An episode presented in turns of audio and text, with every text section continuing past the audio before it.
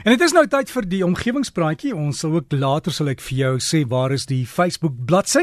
En ons gaan aansluit by professor Johannes Silje van Noordwes Universiteit. Sommers so hier op Skype en professor ons gesels verder oor die water, né? Goeiemôre Derrick en môre al die omgewingsvriende.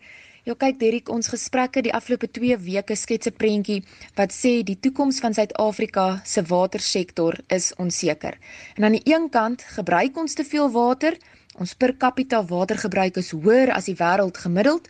En aan die ander kant is ons aanbod van water onder groot druk weens uitgediende infrastruktuur, toename van waterbesoedeling, groeiende populasies En so hou die lys maar aan. En niemand kan seker wees hoeveel reën in die komende dekade sal val nie.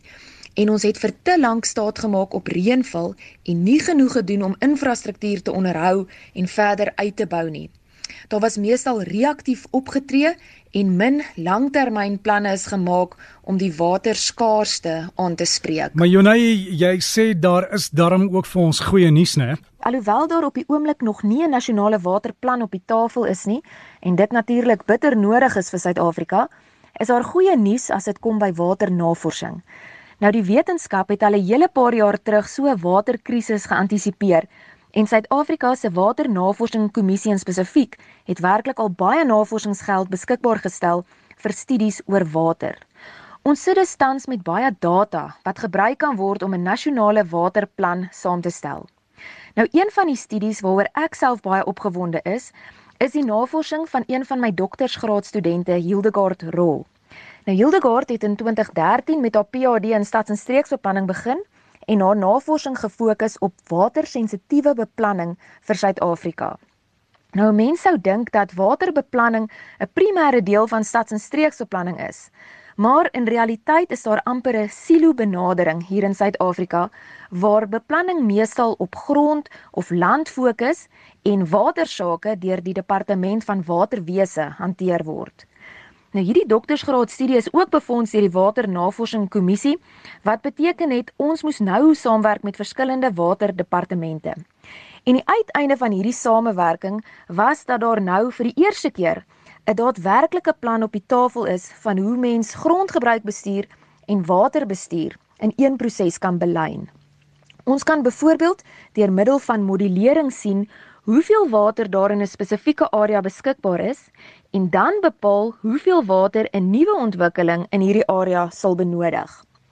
So as daar dan nou besluite oor nuwe ontwikkelings geneem moet word, kan mens duidelik die invloed van die nuwe ontwikkeling op die groter omgewing sien en kan daar sodoende 'n meer ingeligte besluit gemaak word of die ontwikkeling wel toegestaan kan word of eerder nie.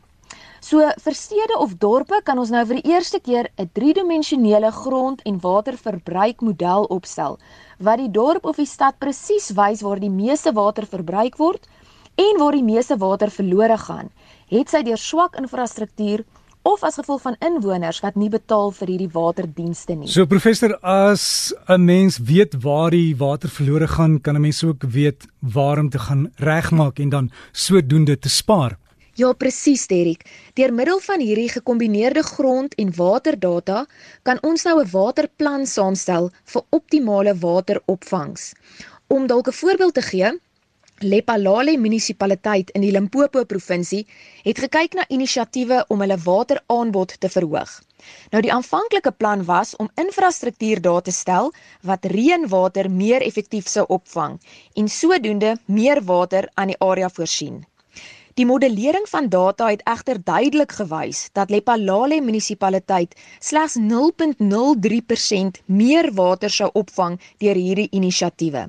En die rede daarvoor Die reënval is inkonsekwent in hierdie area. So alhoewel die opvang van reënwater 'n baie sinvolle oplossing vir ander areas kan wees, sou dit nie koste-effektief gewees het in hierdie spesifieke area nie. Wat verder duidelik was, is die groot waterverlies by nuwe ontwikkelings wat op die buitewyke van die stad gebou word. Nou hierdie areas is ver van die wateraanlegte en daar gaan baie water verlore in die stelsel. En die stad verloor basies etlike rande hierdeur. So die nuwe ontwikkelingsplan vir hierdie area fokus op digter ontwikkeling binne die stad wat dan nou ook waterwins tot gevolg sal hê. Derek en is hierdie tipe navorsing en watersensitiewe beplanning wat ons nasionale waterplan sal moet ondersteun sodat dit kan uitrol na alle dorpe en alle stede in Suid-Afrika. Maar ter afsluiting, my groen gedagte is dat daar reeds sterk wetenskaplike navorsing is wat die toekomsplan vir water in Suid-Afrika kan ondersteun. Maar daarmee saam gaan almal van ons moet leer om waterwys te wees, soos wat Randwaterraad sê en water respekteer, dit nie besoedel nie, vir ons waterdienste betaal, water spaar en sodoende die natuurlike omgewing bewaar. Baie dankie professor sommer daar via die Skype. Is Johannes hier van Noordwes Universiteit. En as jy enige vrae het of dalk idees uh, oor waar ons kan gesels hier op die omgewingspraatjie ek en die professor epos is omgewingspraatjies die meervoud by gmail.com omgewingspraatjies by gmail.com ook op Facebook gaan soek net vir omgewingspraatjies. Hou van die groep en dan sal jy van die inligting daar kan kry